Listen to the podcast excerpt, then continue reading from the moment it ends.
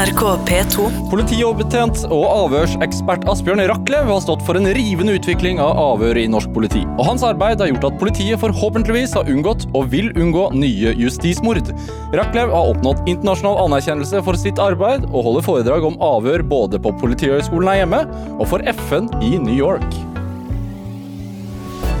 Dette er Drivkraft i NRK P2. Asbjørn Rachlew, hjertelig velkommen til Drivkraft. Takk skal du ha. Hvordan har du det? Jo, eh, akkurat nå så har jeg det veldig fint. Ja. Eh, inspirerende å være her. Takk skal du ha. Det det er veldig hyggelig å ha deg her. Eh, altså, jeg kalte deg avhørsekspert i er, Det er ikke en tittel, det, men, men det er grei Ja, eh, jeg har akseptert eh, den, eh, og den beskriver vel egentlig bakgrunnen min, eh, nemlig det at eh, jeg har vært eh, drapsetterforsker i mange år. eh, Og du kan si den første delen av karrieren min var jeg jo etterforsker og drev med avhør. Avhør er vårt viktigste verktøy. Men så kan vi si at den andre halvdelen av karrieren, de siste hva skal vi si, 15 årene, så har jeg forsket også. Ja, så på, så, så jeg da blir man eh, Da får man jo en innsikt, eh, både som praktiker eh, på den ene siden, og hva skal vi si, som teoretiker på den andre siden. Ja, fordi du har tatt en ph.d., som det heter, i, kriminologi og, og forsket på avhør Ja. ja, som metode. ja. Er det, har det tatt mer og mer tiden din? Eh, nei, altså, det har alltid tatt tiden min siden, siden jeg ble politi, for å si det sånn. Ja. Eh, så, men, men det blir ikke noe mindre. Man, man skulle jo håpe og tro kanskje liksom at å ja, når jeg er ferdig med dette prosjektet, så, så kan det roe seg litt ned, men, eh, men da kommer det et nytt et. ja. Eh, altså, for de, eh, for de som aldri har vært i et avhør Mm. eh, så, Hvordan går man frem? Altså, Hvis dette hadde vært et avhørsrom, hvordan hadde du gått frem?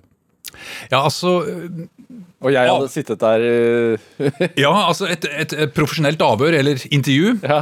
um, det starter jo med forberedelser, og det vet jo du veldig godt. Jeg ser du sitter med, med, med en lapp der med spørsmål, og, ja, hele livet ditt foran meg. men, men det er klart, eh, profesjonelle avhør eller intervju de starter med gode forberedelser. Vi deler forberedelsene inn i, i, i, i tre kategorier. altså Fysiske forberedelser, at alt er klart, eh, det er vann på bordet og det tekniske fungerer osv.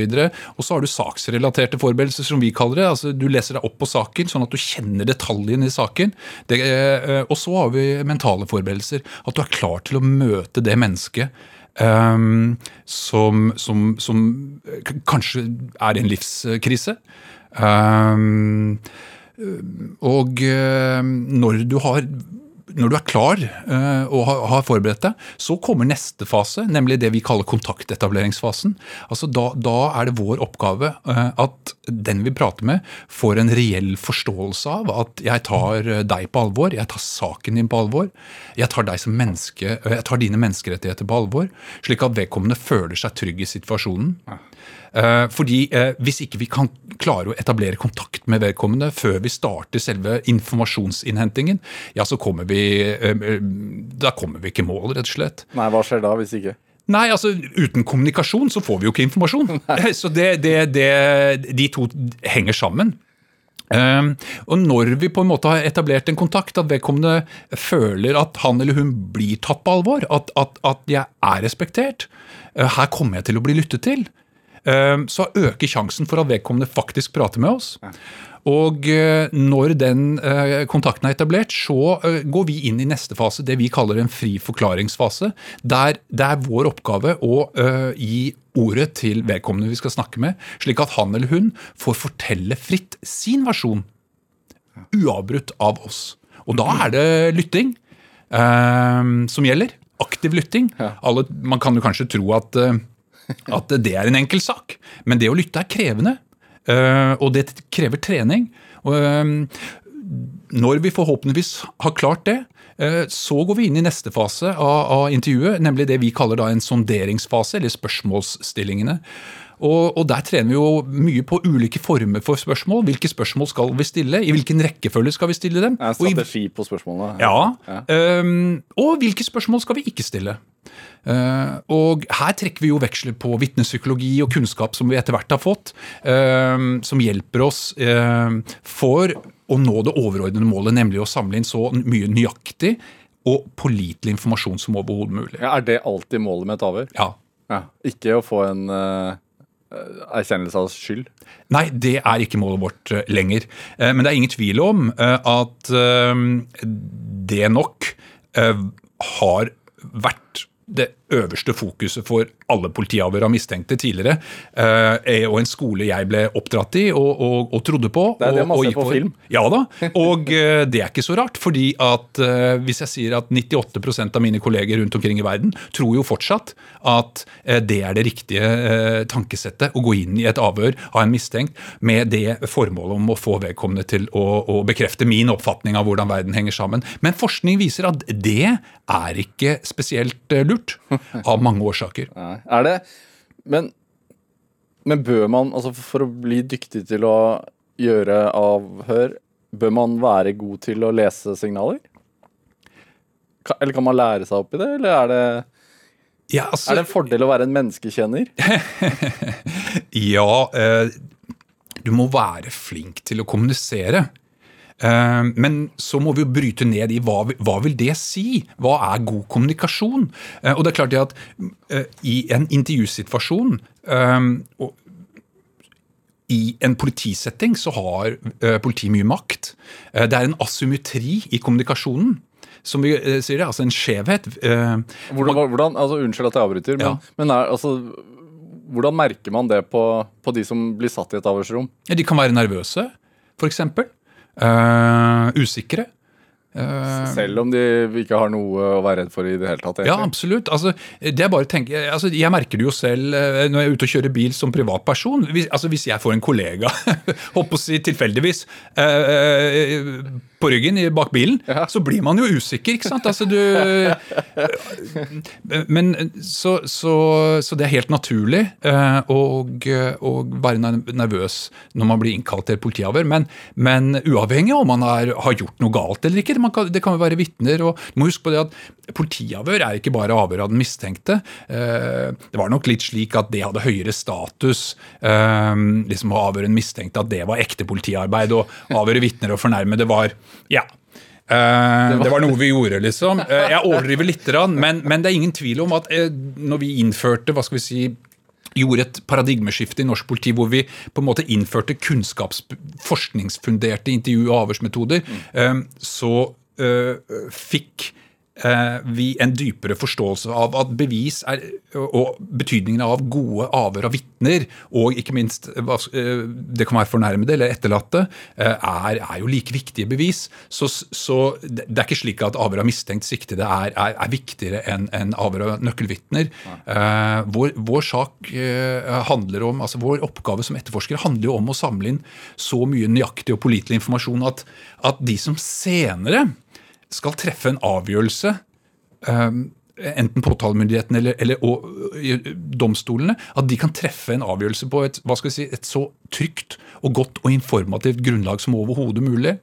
Hvor, eh, altså, hvor, hvor viktig vil du si at du har vært i det å innføre forskningen inn i avhøret? Um, altså Uh, jeg, jeg var heldig uh, i, en, en, i en tid der, der, der det var bestemt politisk. Du vet, eh, Demokratiet utvikler seg hele tiden, og, og, og rett, rettsstaten vår utvikler seg også hele tiden. Og det var bestemt at norsk politi eh, Vi skulle endre hele utdannelsen av politiet. Når var dette her? Ja, Det var på begynnelsen av eh, 1990-tallet. Ja. Eh, Da ble det bestemt at det skal ikke lenger hete Politiskolen. Det skal hete Politihøgskolen. Og så kan man tenke at ja, ja, det er bare en Men, men, men det, det ligger noe veldig viktig eh, eh, En beslutning der. I, i, i vår utvikling av, av rettsdemokratiet vårt, altså rettsstaten vår. Fordi det er ikke lenger en etatsskole. Vi skal ha et reflektert politi. Vi skal ha et politi som, som, som skal begynne med kritisk tenkning. Ikke bare uh, i sakene vi etterforsker, men også kritisk tenkning inn mot vårt eget arbeid.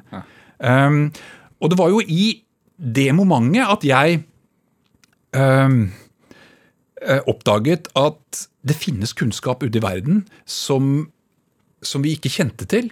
Um, det startet jo på mange måter med, med straffesaken mot fetteren til Birgitte Tengs, um, som jo ble fengslet og avhørt med gammeldagse avhørsmetoder time etter time, dag etter dag, uke etter Altså, etter, han ble avhørt i 180 timer før han Fikk han, fikk han treffe noen underveis? Nei. nei. Eh, forsvareren sin. That's it. Ja. Uh, men forsvareren uh, ble vel også manipulert, egentlig. Han stolte på politiet og uh, Vi hadde jo, På den tiden hadde vi jo teknikker om hvordan vi skulle få forsvareren ut av rommet. Ja. Vi var på feil spor, fordi formålet var å skaffe tilståelser. Og um, Hva, var, hva var teknikkene? Uh, mange subtile, manipulative teknikker. Jeg har aldri opplevd uh, eller noensinne blitt oppdratt i eh, brutale avhørsmetoder. Det, det, tok norsk politi avstand fra for mange mange år siden. Jeg sier ikke at det ikke fins hva skal vi si, eh, ugress som uh, må lukkes, eh, altså, men det er unntak som bekrefter regelen. Det har aldri vært i min tid snakk om eh, fysiske eh, avhørsmetoder, eh, heldigvis. Og, og, men vi skal være klar over at eh, 60% av mine kolleger rundt omkring i verden de, de, bruker, de bruker fysisk makt, altså tortur, som et virkemiddel. Det gjorde ikke vi eh, i min tid, eh, og eh, det hadde mine kolleger sluttet med lenge før jeg begynte i politiet. Eh, men eh, vi hadde erstattet det med mer psykologiske, manipulative eh, triks og, og, og, og teknikker. Eh, vi ble trent opp til å fremstille oss som om vi var mistenktes beste venn. Eh, Hent han ut av varetektsfengsel før de serverer mat der, sånn at du kan gi han maten. Og på den måten understreke din eh, i anførselstegn da, eh, omsorg og medmenneskelighet overfor han. Liksom. Eh, Var du involvert i, i, i etterforskningen i avhørene? ja. Ja. Hva var Jeg, rolle? eh, jeg, jeg ville bli eh, eh, jeg ville, bli, jeg ville bli best, så jeg var på god vei til å lære meg disse teknikkene og anvende dem. Ja. Absolutt. Men, i forhold til Birgitte Tengs-saken? Nei. Nei. Jeg jobbet da som drapsetterforsker i Oslo politidistrikt, og det var jo det lokale politiet med, i samarbeid med Kripos som, som etterforsket den saken. Men, men fagmiljøet i Norge er ikke så stort, eh, så jeg var jo drapsetterforsker og var jo veldig spent eh, selvfølgelig når rettssaken kom, fordi fetteren til Birgitte Tengs han hadde jo trukket tilbake tilståelsen ganske raskt etter at han kom med den, men politiet og påtalemyndigheten mente at de hadde nok bevis ved å henvise tilbake til den tilståelse som han kom med etter 180 timer i, i, i avhør, eh, og da i full isolasjon. Kan, kan, unnskyld at jeg avbryter igjen, Ja. men, men du, du har jo talets evne, holdt jeg på å si. Mm. Er det, kan et menneske da, etter så mange timer, uten å treffe andre enn forsvareren sin, Ja. kan ethvert menneske nesten tilstå hva som helst? Um, ja, eh, ikke hva som helst. Jeg Nei. tror ikke du kan på en måte tilstå at ehm, Uh, ja, jeg har vært medlem av Hells Angels i, i 14 år, og så har du ikke vært det. Men, men, men, men, konkrete hendelser, Ja. det er det ingen tvil om at um, um, Når jeg noen år senere skulle ta en doktorgrad, eh, så var jo det basert på en eh, nyere sak der eh, Stein Inge Johannessen satt uskyldig fengslet for et drap han ikke hadde begått i Oslo. Han satt seks måneder på isolasjon i varetektsfengsel. Og han, han etter, etter et par måneder, par-tre måneder i isolasjon, så begynte Stein Inge å drømme at han var altså han, han våknet om nettene og lurte på om han var drapsmannen, fordi han hadde, han hadde mareritt. Og, og lurte på om han hadde fortrengt dette. Um, om det kunne være slik at eh, de timene som dette drapet skjedde og, Har jeg fått en blackout? Altså Han begynte å tvile på sitt eget minne. Det er én kategori av type falske tilståelser som vi kaller memory distrust syndrome. altså. Eh, og den er dokumentert eh, i, i, i flere saker. men Det skal ganske mye til, men, men ja, det er mulig. Eh, Så har det jo andre typer former for falske tilståelser. selvfølgelig, altså At vedkommende tilstår, eh, men vet at han er uskyldig, men bare orker ikke mer. Jeg vil ha slutt. altså I verste fall tortur, da. ikke sant? Um, eller, eller bare en sånn presset situasjon at og Der er jo sårbare mennesker, eh, spesielt sårbare selvfølgelig, altså barn og andre som, som kanskje ikke har fullt ut utviklede kognitive evner, som kan ha lettere for å bøye av for, for, for press. da. Hvorfor tror du fetteren til Tengs tilsto det, etter 180 timer? Eh, han eh, fikk hele tiden beskjed han, av politiet at eh, dette har du fortrengt. Eh, og mine kolleger fikk jo god hjelp av eh, velmenende psykologer eh, som bare rota det til for oss. og introduserte slike så, eh, så, så, så han, ble, han, ble, manipulert øh, kraftig, øh, og da kombinert med øh, varetekt og isolasjon. Um, så, han fikk hele tiden beskjed han, av autoritetspersoner, av politiet, om at vi vet du har gjort det. men dette, det, det, er ikke så rart at du ikke husker det, for du, du, kan, ha, du kan ha glemt det. Og dette gjorde at du tenkte at noe må gjøres? ja, ikke til å begynne med. fordi jeg var, jo, jeg var jo en del av den skolen. Ehm, jeg ville bli flink, og, og eh, de, som, de, som, foretok de mest alvorlige eh, avhørene på den tiden, det var jo mine forbilder. Så jeg gikk jo på deres forelesninger og, og lyttet til de og, og, og, lærte meg deres triks. Men så skjedde jo det at forsvarerne i Eh, Birgitte-saken. Eh, Sjødin, Klomsæt og, og, og, det teamet de, de eh, brakte inn Gisle Gudjonsson, professor Gisle Gudjonsson fra England, som da hadde forsket, allerede da hadde forsket på politiavhør og manipulasjon og falske tilståelser i over 30 år. Og Han ble da brakt inn som sakkyndig. og Han leste avhørene, han intervjuet fetteren, han intervjuet min kollega, avhøreren. Uh, som jo hadde gjort så godt han kunne ja. i henhold til datidens tenkning.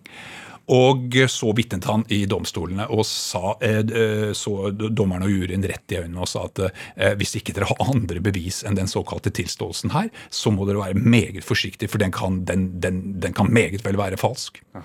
Og Jeg husker hvordan vi reagerte i fagmiljøet i draps, ikke sant, norsk politi, hvordan vi reagerte på denne professoren. Ja, hvordan var det? Som, som, som, som, kom til Norge liksom og sa at vi Hvor mange avhør har han tatt? Var gode, det var dere som var gode i jobben? Ja. ja ikke han? Nei, nei, nei, han var en paperpusher. Han var en teoretiker. han har ikke, ikke sant?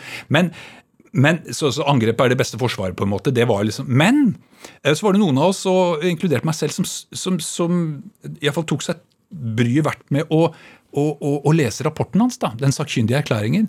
Jeg har vel alltid vært sånn at jeg, jeg ønsker å suge til meg kunnskap for å ja, forsøke å, å nå videre. da, og, og, se om jeg kan bli bedre, flinkere. For å, for å bli best, ja. ja. ja.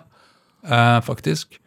Uh, og, der så jeg at da, professoren uh, henviste til vitenskapelige studier, til bøker, til, til tidsskrifter. der mitt viktigste arbeidsverktøy, altså avhøret, var, var gransket gjennom forskning, gjennom utallige studier. Og så skjønte jeg faen, dette har jeg aldri hørt om. Jeg, jeg, visste ikke at den kunnskapen eksisterte. Så da ba jeg ja, politimesteren i Oslo Hvordan tilegnet dere dere avhørskunnskap? da? Det var erfaring. Ja.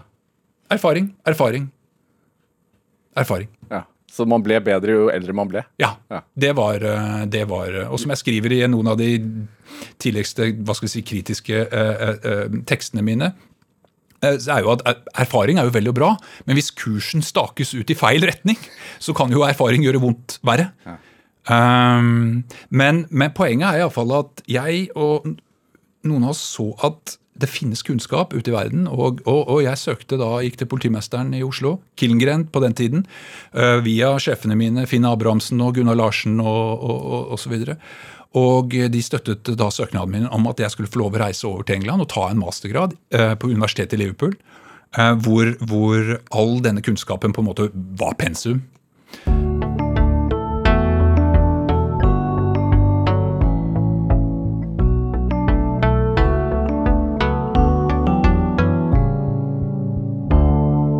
Dag så har vi politioverbetjent, eh, politioverbetjent og avhørsekspert Asbjørn Rachlew her eh, i Drivkraft på NRK P2.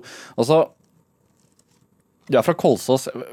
Vi blir litt kjent med deg her nå. Altså, hvordan er det egentlig å sitte på andre siden av avhørsbordet?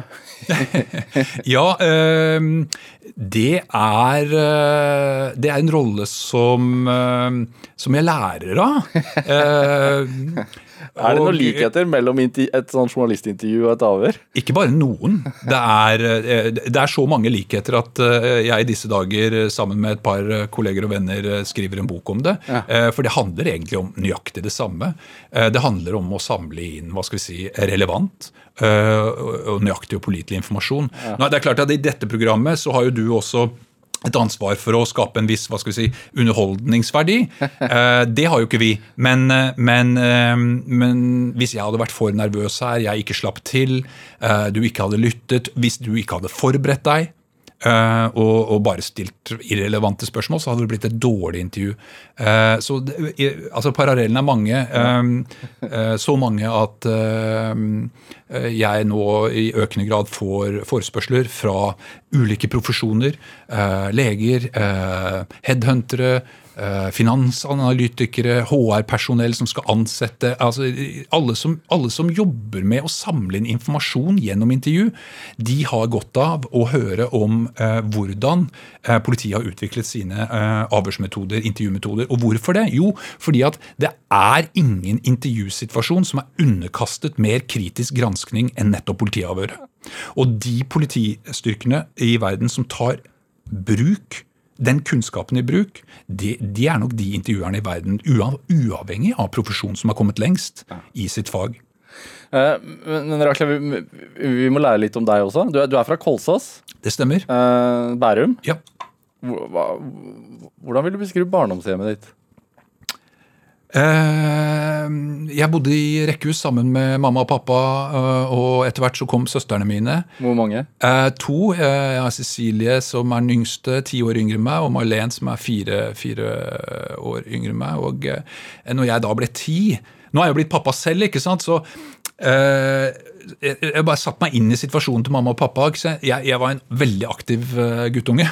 Jeg satt ikke veldig mye stille på, på skolebenken, for å si det sånn. og Eh, når de da fikk en baby til, og hadde en seksåring, vel, og så fikk en baby, eh, så tror jeg de var mer enn happy at eh, jeg forsvant ut. og Klarte deg sjøl? Ja, jeg tror Og det gjorde jeg også, men det er klart det ligger jo en sårbarhet der òg. Man er jo avhengig av at man da treffer de riktige valgene, kan du si. Ja. Og, den, og jeg, var, jeg, er jo en spenningssøkende, et spenningssøkende menneske. Som liker fart og Det må skje noe, rett og slett. Tror, tror du det er representativt for, for, mange i politiet? Ja, det tror jeg nok. Absolutt ikke alle. Vi har jo altså Politifolk det, representerer et bredt spekter av, av befolkningen. Vi liker å si at vi representerer tverrsnittet av befolkningen. Det gjør vi ikke. fordi at hvis du har noe på rullebladet, så kommer du ikke inn. Nei. Eh, hvis du var uheldig og ble tatt eh, for et eller annet i ungdommen eller et eller annet. Så, så, så, så helt sant er det ikke, men, men, vi har bredt spekter. Altså En kriminaltekniker, da, eksempel, en som ligger på alle fire eh, inni en leilighet dag ut og dag inn med, med, med forstørrelsesglass og lupe, ja. eh, har jo en helt annen tålmodighet enn enn meg, da. Ja. Men hva slags spenning søkte du da, som ung? Du kalte deg selv en spenningssøker. Ja. Eh, alt mulig. Eh, alt som var alt, alt. Og, og, og, så var jeg også slik at uh, som, som, som, ung gutt så Jeg, jeg, jeg løp fort og, og, kasta langt, for å si det sånn. Du var god i idrett? Ja. Og uh, da fikk jeg lov å være med de større guttene. Strakk meg litt etter det. Uh, jeg var 10, de var 13. Uh, de hadde kanskje plukka opp noen sneiper eller begynt å snuse. Og, ikke sant? Altså, så, så jeg, ble, jeg, ble, fort ungdom, for å si det sånn. Um, og var med på det de ikke sant? Det var jo status for meg å få lov å, å, å være med de. Og, men heldigvis ja. Du kunne fort fått noe på rullebladet, si? Ja, ja. Ingen tvil. Er det, er det er det litt, altså, er det litt tilfeldigheter? Ja. Når du har jobbet i politiet og sett møtt mange som har havnet på feil side av loven, altså er det tilfeldigheter hvor man havner? Uh, ingen tvil. Ja. Uh, jeg, jeg, kunne vært uheldig og, og, og blitt tatt for noen av de rampestrekene eh, som, som, hadde gjort at jeg hadde ikke hatt den friheten til å velge hva jeg ville bli? Som, som, som andre som har vært uheldige. Så ja, Én eh, ting er jo selvfølgelig tilfeldighetene i oppvekst, men en annen ting er jo selvfølgelig Hvilken familie blir du født inn i, og, og, og så videre. Og så kan det være situasjoner hvor man er heldig eller uheldig, og, og, og så videre. Så, så jeg tror nok det Miljøet har vel eh, vel så mye som arv å si? ikke? Eh, ikke sant. Eh, og husk på, jeg vokste opp altså på Kolsås og på Rykkinn, Dønski-områder. Eh, det var mange av mine hva skal jeg si, ikke nærmeste venner, men, men perifere Altså i omkretsen, da, som, som, som uh, var uheldige. Uh, som ikke lever i dag, som, uh, som havner på feil sti. Er, Er det en, er det en fin Er det en god erfaring, ikke det at, at folk har gått bort, men det at man har hatt kjennskap til mennesker som har havnet på feil sti, er det en god erfaring å ha med seg når man jobber som politi? Det kommer an på hvordan du bruker den hva skal jeg si, kunnskapen som du refererer til, eller som jeg beskriver. Ja. Det kommer an på hvordan du bruker den. Ja. Uh, uh, når jeg startet å reflektere ordentlig om politiavhør, altså lenge etter at jeg, jeg, jeg Når jeg var drapsetterforsker til, til å begynne med, så var det bare liksom å bli flink i jobben og, og, og bare få skillsen inn. Men, men det er klart når jeg etter hvert begynte å reflektere hva er det vi holder på med, hvordan kan vi, hvordan kan vi bli bedre, hva er det vi må endre osv., så, videre, så kom jo det etiske perspektivet inn med en gang. selvfølgelig. Det er, det er store etiske spørsmål som reises eh, når et menneske møter et annet, og det ene mennesket har makt. Eh, Så hvordan forvalter vi den makten osv. Når jeg begynte å reflektere over de etiske spørsmålene, så Og i det mellommenneskelige møtet at vedkommende som jeg prater med, får en reell forståelse av at jeg Min jobb er ikke å dømme deg. eh, Jeg kunne vært deg. Du kunne vært meg under andre omstendigheter. Så Så er det klart at hvis altså, Empati er eh, en grunnpilar i eh, intervjuteknikk, altså avhørsmetodikk. Hvis ikke, kan, hvis ikke du kan formidle empati, at jeg tar deg på alvor, uavhengig av hva du måtte være mistenkt for, så, eh, så blir det vanskelig å, å få en god samtale. Ja, For du har holdt foredrag om menneskerettigheter, rett og slett? Det er viktig for deg? Ja, det er blitt viktigere og viktigere. Um, og, for det var slik at når jeg kom tilbake fra England uh, og, og, og var privilegert sånn sett i norsk politi, hvor jeg fikk ett års permisjon for å bare lese meg opp på all forskning som, som da fantes om politiavhøret, så kunne jeg ta med meg den kunnskapen eh, tilbake til norsk politi og, og forsøke å, å lage et opplæringsprogram sammen med andre om hvordan vi kunne formidle den kunnskapen i et kurs, da, et opplæringsprogram. Ehm, så eh, oppdaget jeg at eh, det ble vel mottatt. Politihøgskolen ville ha det inn med en gang. Det ble sendt ut på nasjon- Vi utdannet instruktører på alle politidistrikt i hele Norge. Og så, og så, så skrev jeg også artikler, og, så, og de artiklene gikk rett inn på pensum på Politihøgskolen. Og da begynte jeg å skjønne at Asbjørn, nå, nå, nå har du fått makt. Altså, jo men, jo, men det er ganske mange tusen etterforskere ikke sant? Altså, og, og, og, i flere generasjoner. Og så skal de på en måte, så skal jeg vei, veilede dem. Hvem er jeg? Men, men da da bestemte jeg meg, og, og da var det veldig godt å ha eh, jeg, jeg tenkte at ok, så lenge alt vi skriver og alt jeg foreleser om, har et menneskerettslig fundament, så kan det ikke gå gærent, liksom. Eh, så, så det var et ansvar på en måte som jeg ja, påla meg selv også, etter hvert. Eh, Så de siste 10-12 årene så har jeg jobbet eh, ikke bare med norsk politi, men også, også internasjonalt, sammen med Norsk senter for menneskerettigheter ved Universitetet i, i Oslo. Og, og det er et arbeid som ja, har fått større og større fokus, fordi FN eh, snappet opp at norsk politi hadde et nært samarbeid med Norsk senter for menneskerettigheter. I, i, i andre land så er det to motpoler, eh, mens, mens vi eh, jobber sammen. Og det er en veldig fin eh, kombinasjon, og, og den er sjelden internasjonalt. Og eh, ja, Er det- i verden. Er det mange eksempler, altså så du mange eksempler da du begynte med dette, å studere på dette her, at, at menneskerettighetene ikke hadde blitt overholdt Ja. i, her til lands? Ja. Ja. Uh, altså, jeg, jeg, vet ikke jeg, Altså, i, i, forhold til andre land, eh, så, så, så, så, var det jo ikke veldig grove overtramp. Um, men, men, men allikevel, hvis vi, hvis vi uh, tenker på hva, hva, er på en måte hensynene, verdiene, uh, som ligger til grunn for menneskerettighetene, uh, så hadde vi sånne små subtile teknikker. F.eks. som jeg nevnte vel i sted, mm. dette med retten til å ha en forsvarer til stede, f.eks. Um,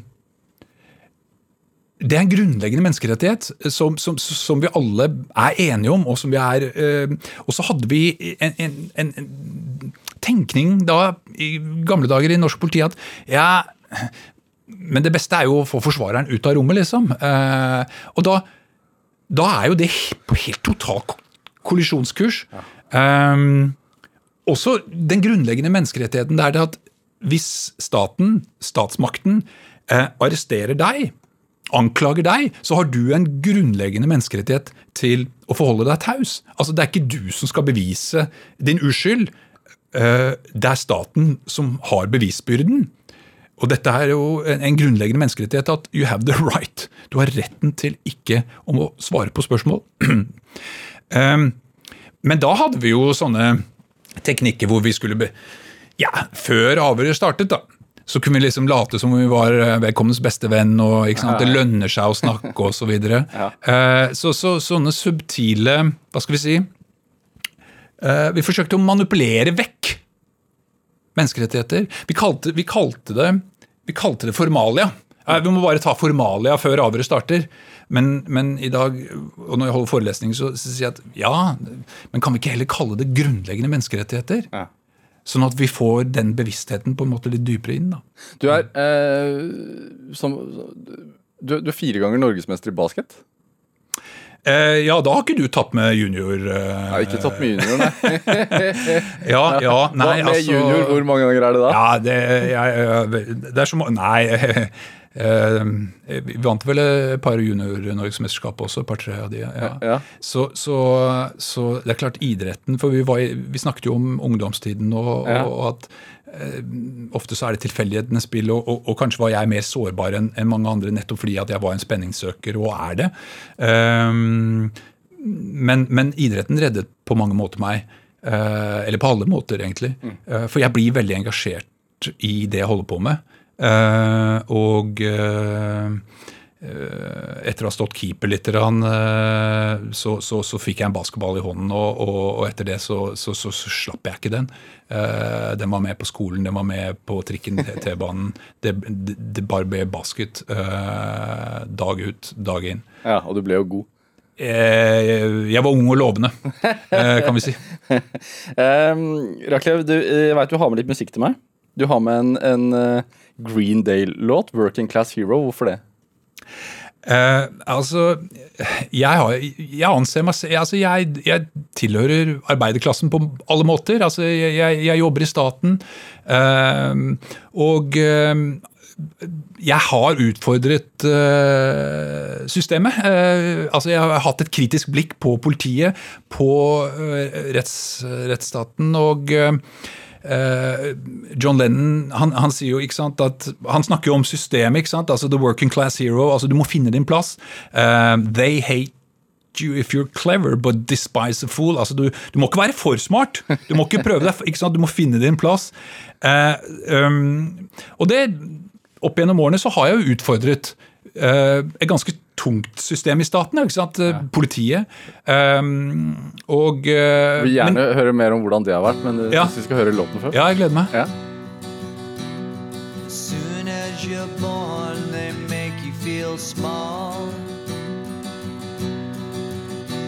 By giving you no time instead of it all Till the pain is so big you feel nothing at all. A working class hero is something to be. A working class hero is something to be. They hurt you at home and they hit you at school. They hate if you're clever and despise a fool. Until you're so crazy you can't follow their rules. A working class hero is something to be. A working class hero is something to be. When they tortured and scared you for 20 odd years. And Then they expect you to pick a career. When you can't really function, you're so full of fear. A working class hero is something to be. Class hero is something to be. You get doped with religion and sex and TV. And you think you're so clever and classless and free. But you're still peasants as far as I can see. Working class hero is something to be.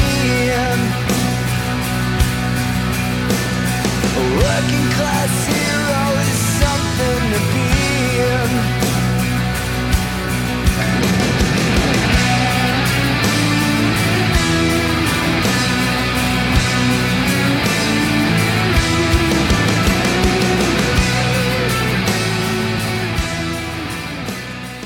Ja, Du fikk eh, Working Class Hero av Green Day, valgt av dagens gjest her i Drivkraft på NRK P2, nemlig politioverbetjent og avhørsekspert Asbjørn Rachlew. Eh, altså Du nevnte John Lennon og, og Working Class og sånne ting. Han er jo fra Liverpool. Du studerte i Liverpool? Ja, det gjorde jeg. Eh, hovedsakelig fordi at eh, Universitetet i Liverpool var, eh, og, fortsatt er, eh, en av verdens ledende forskningsinstitusjoner på eh, politiets etterforskningsmetoder. Ja. men det er klart, eh, de har jo også verdens beste fotballag. Eh, jeg har sagt det i alle år, og, og, og, og nå er det jo bevist. Nå er det bevist. Eh, så, så, men, men nei, eh, John Lennon eh, har jo betydd enormt for, for Liverpool. og han, eh, han beskriver jo Du må huske på Liverpool eh, og, det, er, store klasseforskjeller. eh, Mye større klasseforskjeller i, i Storbritannia, og ikke minst den tiden hvor John Lennon vokste opp osv. Han forteller om undertrykkelsen både på skolen, ikke sant, og som Pink Floyd også snakker om. og, eh, og, og, og sågar virket det ikke som denne arbeidshelten her hadde gode foreldre. eller, eh, Så der kjenner jeg meg ikke igjen. Jeg, Jeg, jeg, jeg har vært mer, mer ja. privilegert eh, slik sett. Men akkurat så ja, takk for det. Men, men altså eh, Vi, vi snakka litt om ungdommen din, at du, at du var en energisk ung mann, at du var god i idrett. Men når skjønte du at du ville bli politimann? Altså, det, det tror jeg har ligget i meg siden jeg var barn. Eh, jeg, har liksom, jeg kan ikke huske at jeg ikke eh, har tenkt Ja, det var kanskje en periode der hvor jeg drømte om uh, NBA, men forsto vel ganske raskt at det Altså basketligaen i Ja. Den beste, høyeste basketligaen i USA. Ja, proff basketballspiller, da. Men, men, men det var vel ganske tidlig. Som, men, men nei, eh, jeg har nok vært realistisk eh, der òg, og, og, og da har det alltid vært eh, egentlig politi som Hvorfor fristet det sånn? da? Altså For det første så eh, Politiet, de, vi- vi- hvis det skjer noe, eh, så er det noen som må ordne opp og, og hjelpe til. Uh, hjelpe mennesker. uh, og ta ledelse når, når, når, når, det skjer noe. Uh, det har folk appellert til meg. Så, og så kombinasjonen da, at det, det er jo også et praktisk yrke. Det, det var ikke bare å sitte og lese i en bok, på en måte. Jeg har fått tålmodighet til det nå senere i livet. Eh, Men det er bare fordi at jeg er interessert i akkurat det jeg leser om. Eh, Ellers så eh, må, jeg, må det skje mer. Ja. Men, men nei, så jeg har alltid, jeg har alltid ønsket å bli politi. og det fikk jeg beskjed om på Politihøgskolens opptaksnemnd. at har forstått også at det er egentlig en ganske god motivasjon. fordi da ligger det iallfall ikke noe voksende, hva skal vi si, destruktive eh, motiveringsfaktorer bak, da, som, som ønske om makt eller liksom, så, sånne ting. Det er, det er en barndomsdrøm. Hvor- Og så ble du etter hvert drapsetterforsker. Ja, altså øh, Jeg skjønte veldig raskt eh, For jeg eh, Politihøgskolen er jo lagt opp slik at først så, så får du litt teori inne på høyskolen, og så går du ut i praksis ett år. Og da får man prøve seg i ulike roller, eh, som, som innsatspersonell i gaten, som trafikkpoliti, som men, men- men når jeg fikk mitt eget kontor og, og ansvaret for en kriminalsak, og, og, og kunne legge opp eh, eh, og, forsøke å løse den, og ikke minst gjennom avhør og prate med vitner og, fornærmede og, og mistenkte, da skjønte jeg at det er det jeg skal bli. Hva var den første saken din, husker du det? Eh, ja, eh, det gjør jeg nok. I fall den, som, den jeg husker best, var en som var mistenkt for å ha stjålet uh, noe penger fra uh, en, uh, en nattklubb eh, hvor han jobbet. Eh, og bevisene var ikke, å, det var ikke Han var anmeldt, og, og jeg husker avhørene av han hvor, hvor, hvor han eh, hvor jeg han åpnet seg opp da, ikke sant? Og, og, og, og, begynte å fortelle om, om sin livssituasjon, og at han sto i et samlivsbrudd osv. Og, og så forsto jeg liksom at faen, det, dette er, du har, har ikke hatt det så lett. Du har det ikke lett. Eh, så, så man kommer veldig tett inn på mennesker, da. Uh, og det, det, det er jo veldig ansvar, uh, men det er også veldig interessant. Så, så det er klart Og så forsto jeg da at hvis man jobber med drap, så, så er det alvor. Altså. Da, så, så, så En ting er å avhøre de som er mistenkt for, for drap, det, men, men en annen ting er jo det kanskje mest krevende avhørende er jo å, å, å prate med de etterlatte. Eh, å gå med dødsbudskap. Ja, hvordan er det? Nei, det er, det er, ekst, det, det er ekstremt krevende. Altså, det er altså, et så tungt ansvar. Eh, og heldigvis, når jeg ble drapsetterforsker, så, så, så ble det anerkjent. Og, og det var Killengren. Hun ansatte en fengselsprest som da ble hetende politiprest. Eh, Erik. Eh, og han visste ikke helt hva han skulle gjøre i Oslo politidistrikt. Han, han ble ansatt, men han fant fort eh, veien til sjette etasje på, på politihuset på Grønland, hvor voldsavsnittet jo arbeider ut ifra, og eh, han var med oss ute i felten. Eh, så eh, av og til så må vi gå med dødsbudskap til de etterlatte, fordi at de, de etterlatte må informeres før, eh, før media eh, annonserer eh, det hele. Hvordan forbereder man seg til noe sånt? Nei, eh, altså eh, Jeg var, jo inne på dette med empati. Du kan ikke begynne å sympatisere. Altså, du kan ikke begynne å gråte hver gang. For at da, da mister man jo profesjonaliteten sin.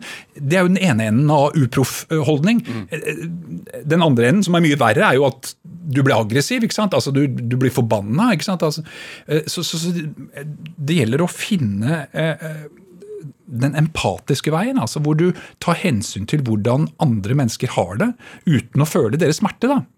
Fordi hvis du gjør det, reelt altså, så, så, så mister vi profesjonaliteten vår. Men, men samtidig så må vi forstå hvordan de har det nå, og da anlegge vår tilnærming til det mellommenneskelige møtet eh, med den dypeste respekt. Eh, Fellesnevneren for de gangene jeg har gått med dødsbudskap, er vel at de etterlatte ikke vil slippe inn politiet. Nei. Det står utenfor. Ja. De, det passer ikke nå. Nei. Hvorfor så tror du det er sånn? vil du ikke, du skal ikke og vil ikke overbringe dødsbudskapet over callingen, ikke sant? Nei. Så de sier, hva gjelder det? Eh, det vil jeg gjerne prate med deg om, og, og, og eh, vi har god tid, ikke sant? Altså, ja, men hva, hva gjelder det? Og så har de nok en følelse av hva det gjelder, fordi kanskje sønnen deres eller datteren deres er ikke kommet hjem, eh, og de forstår hva det gjelder. Men, så, så det passer ikke. Kom tilbake en annen dag. Men vi må inn. Ja, forsvarsmekanisme. Ja. Det passer aldri. Har man det? Altså, det, må, det kan ikke være lett å være profesjonell, altså, å, å være profesjonell i, i sånne situasjoner. da. Debrifer man etterpå? Ja, eh, veldig godt eh, faglig spørsmål. Og i den eh, avhørsmodellen, teknikken, som vi norsk politi i dag trenes opp i, som er den forskningsbaserte avhørsmetodene som vi innførte i norsk politi for 20 år siden, Er det en som er blitt kallende kreativ? Ja, vi kalte den kreativ. eh, Men det er altså, springer ut ifra begrepet investigative interviewing, som er, er, den internasjonale terminologien. Eh, Men kreativ eh, Vi, ønsket å å lage eh, at avhørsmetodene våre skulle assosieres med noen verdier og prinsipper. K-en står for kommunikasjon, R for rettssikkerhet, E for etikk og empati, T for tillit gjennom åpenhet, I for informasjon, og, og, og, og V da for vitenskapelig forankring, altså at, at det er kunnskapsbaserte metoder. Eh, men, men i den modellen, der vi deler inn avhøret, intervjuet, i ulike faser eh, Jeg nevnte forberedelser, kontaktetablering, fri forklaring, spørsmålsstilling, og så er det avslutning av det hele. Altså Intervjuet må avsluttes på en, på en profesjonell måte. Og så er faktisk evaluering en del av modellen. Det får vi ikke alltid tid til, dessverre. Men det å, det å debrife eh, og, og evaluere seg selv, hvordan gikk dette intervjuet? Hvis det skar seg, hva, hvorfor, hvorfor skar, skar kommunikasjonen seg? Eh, hva gikk bra? Og ikke minst da dersom det er et spesielt krevende avhør, og noen ganger er det jo det. Uh, Du har jo vært involvert, uh, var jo involvert i avhørene av eh, Anders Behring Breivik. ja, det stemmer. Hvor viktig var en debrief etter det? Ja, der fulgte vi modellen til punkt og prikke hver gang. Uh, Så der var det helt eh, Og det var kanskje det som var rollen min eh, i det teamet, eh, hvor jeg fungerte som en faglig rådgiver for eh, det teamet som, eh, som eh, ble satt til å, å avhøre eh, den mistenkte terroristen. Eh, Der, eh, der eh, evaluerte og debrifet vi etter hvert eneste avhør. Og eh, det var viktig. Eh, Hvordan klarer man å være profesjonell da? Ehm, det var ikke tilfeldig hvem vi valgte som, som avhørere. Det var jo eh, etterforskere som hadde jobbet med drapssaker og, og tunge saker eh, tidligere. Men, eh, men det gjelder å holde seg til rollen. Hva er rollen min? Mm. det er å samle inn så mye relevant og pålitelig informasjon som overhodet mulig. Og for oss var det en veldig motivasjonsfaktor, og som vi tok med i våre for, mentale forberedelser, var jo at vi skal gi de etterlatte svar. Eh, hver og en. Vi skal samle inn så mye informasjon som overhodet mulig. Så, slik at de som ønsker det, skal få så mye uh, For det, har, det er litt, uh, litt merkelig, det der. Men når, hvis du har jobbet med drapssaker, så, så, så kan man kanskje tenke seg at man vil spare de etterlatte for, for de verste detaljene. Men, eh, men sannheten er at uvissheten er verre. For da begynner man å spekulere. Eh, Og, får ikke, og, og, det blir vanskeligere å komme videre. Eh, Så faktisk så, og Dette fikk vi også eh, gode råd fra kolleger i England som hadde etterforsket flere terrorsaker der med, med bomber på T-baner og, og hele systemet. Uh, og de, de råd, Jeg kjente jo de, og de fortalte meg at uh, ikke glem de etterlatte, og, og, og, ha det som en rettsnor. at eh, Samle inn så mye informasjon som overhodet mulig. Så det var, det, var det, det er slik man fokuserer på, på, på hva er oppgaven min. Men, men det var krevende eh, for, for etterforskerne våre, men de taklet det. Um, jeg husker det ene avhøret hvor, hvor eh, da vi var inne i de hva skal vi si, mest eh, vanvittige eh, detaljene fra Utøya. Eh, hvor, hvor kollegaen min klarte å, å, å sitte og lytte og stille gode oppfølgingsspørsmål, slik at vi fikk så mye informasjon om hva som skjedde på Utøya som overhodet mulig. Eh, og han stimulerte kommunikasjonen, og, og den mistenkte eh, terroristen eh, pratet. Og han var elsket jo å bli lyttet til og, og, og, fortelle om, eh, om sine eh, bragder. Han var jo eh, han var jo stolt av hva han hadde gjort. Eh, jeg husker når, når, kollegaen min kom tilbake i en pause da, eh, da gikk jeg bort og, og bare holdt rundt han. Eh, eh, men andre får evaluere øh, øh, jobben vi gjorde, men, øh, men, det ble ikke stilt noe spørsmålstegn ved avhørsmetodene av den mistenkte i rettssakene. Så vi har aldri fått noe sånn kritikk, uh, iallfall. Men men jeg husker godt at jeg skulle holde det første foredraget om avhørene i den saken for kolleger internt. Og eh, jeg startet med å presentere avhørsmodellen, og, og, eh, vi startet med forberedelser. Og jeg kom ikke lenger enn da til mentale forberedelser, og skulle begynne å fortelle eh, kollegene mine hvordan vi forberedte oss mentalt. Og så kjente jeg for første gang at nå, nå skjer det et eller annet. Og, og, og jeg, jeg skjønte ikke helt hva det var i det første sekundet, men, men, så kjente jeg at ja, men Asbjørn, dette er jo gråt. Du er nødt til å gråte. Altså, det kom. Så, så da knakk jeg sammen. Så, så, selv om man er rutinert og, og, og kan metodene, så, så, er man menneske også? Eh, ja, eh, absolutt. Eh, og, og, dette kom da opp. Eh, men, men, men da var rettssaken over. altså Vi var ferdige med den saken. Vi var ferdige med jobben. Og, og, jeg delte jo disse erfaringene med, med, de andre avhørerne og de andre i teamet, og fortalte, for vi skulle ha åpenhet om alt. og eh, han ene kollegaen min som, som, var en av avhørerne, han, han sa fint Asbjørn at du deler det, og han hadde ikke merket noe til det enda, og, og sånne ting. Eh, men så gikk det ikke veldig lang tid, så skulle jeg og han holde et foredrag om eh, avhørene for alle avhørsinstruktørene i Norge. Og så kom han Eh, ikke lenger i modellen og presentasjonen av avhørene. Så kom han til de mentale forberedelsene.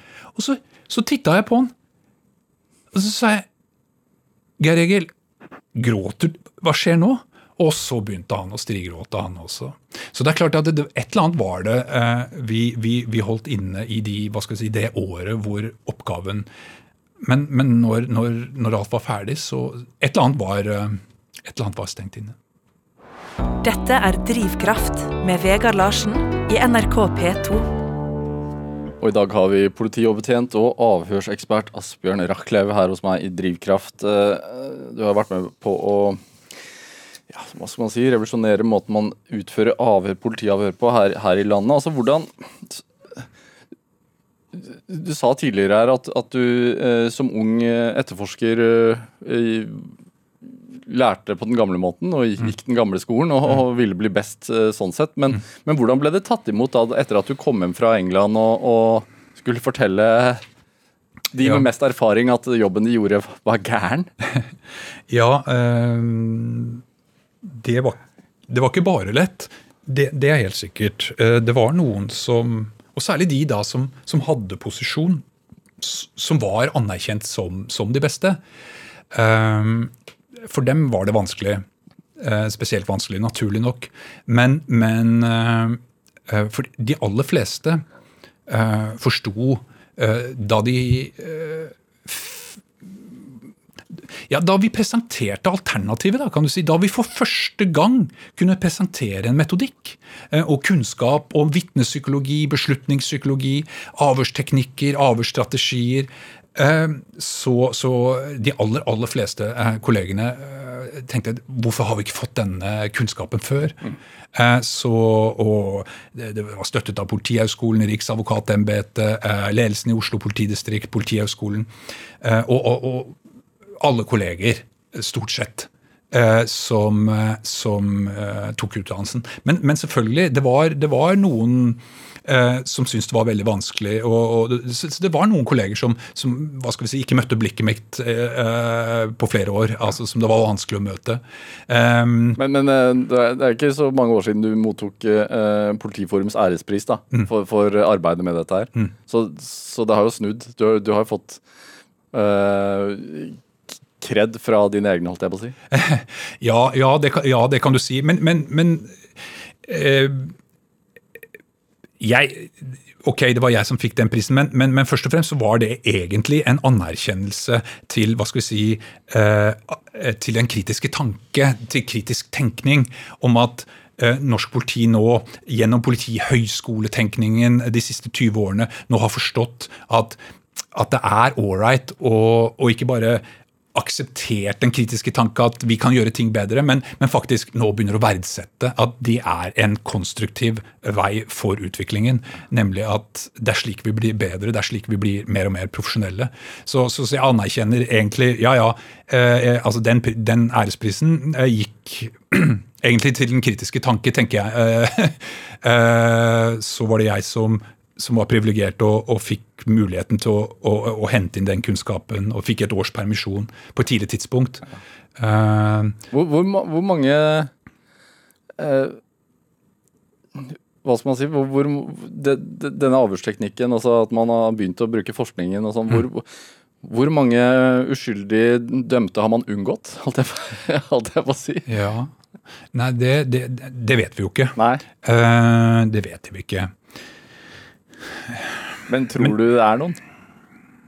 Ja, det er ingen tvil om ja. at uh, en når det først, altså Jeg har jo en doktorgrad. du må huske på, jeg har, jeg, Senere så tok jeg jo en doktorgrad i hva er det som går galt når det går galt med politiets etterforskning.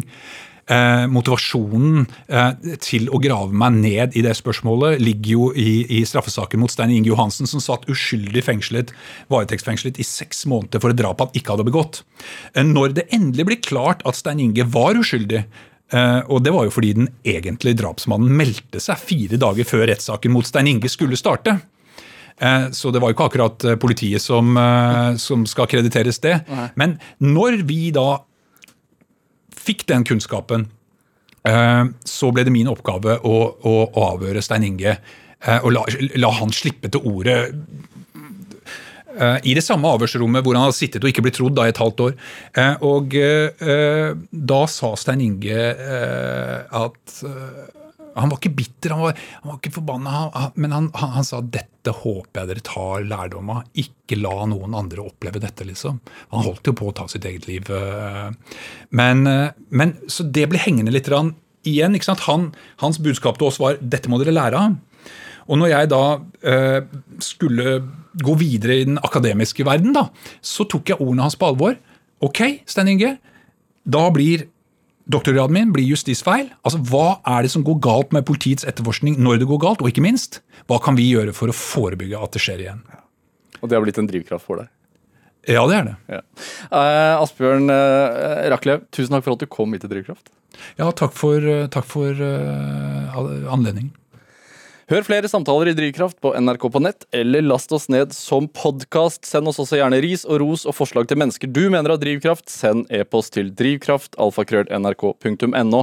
Følg oss også gjerne på Instagram på NRK Larsen. Produsent i dag var Pål Arvid Jørgensen. Ellen Foss Sørensen bidro også sterkt til denne sendingen. Jeg heter Vega Larsen. Vi høres.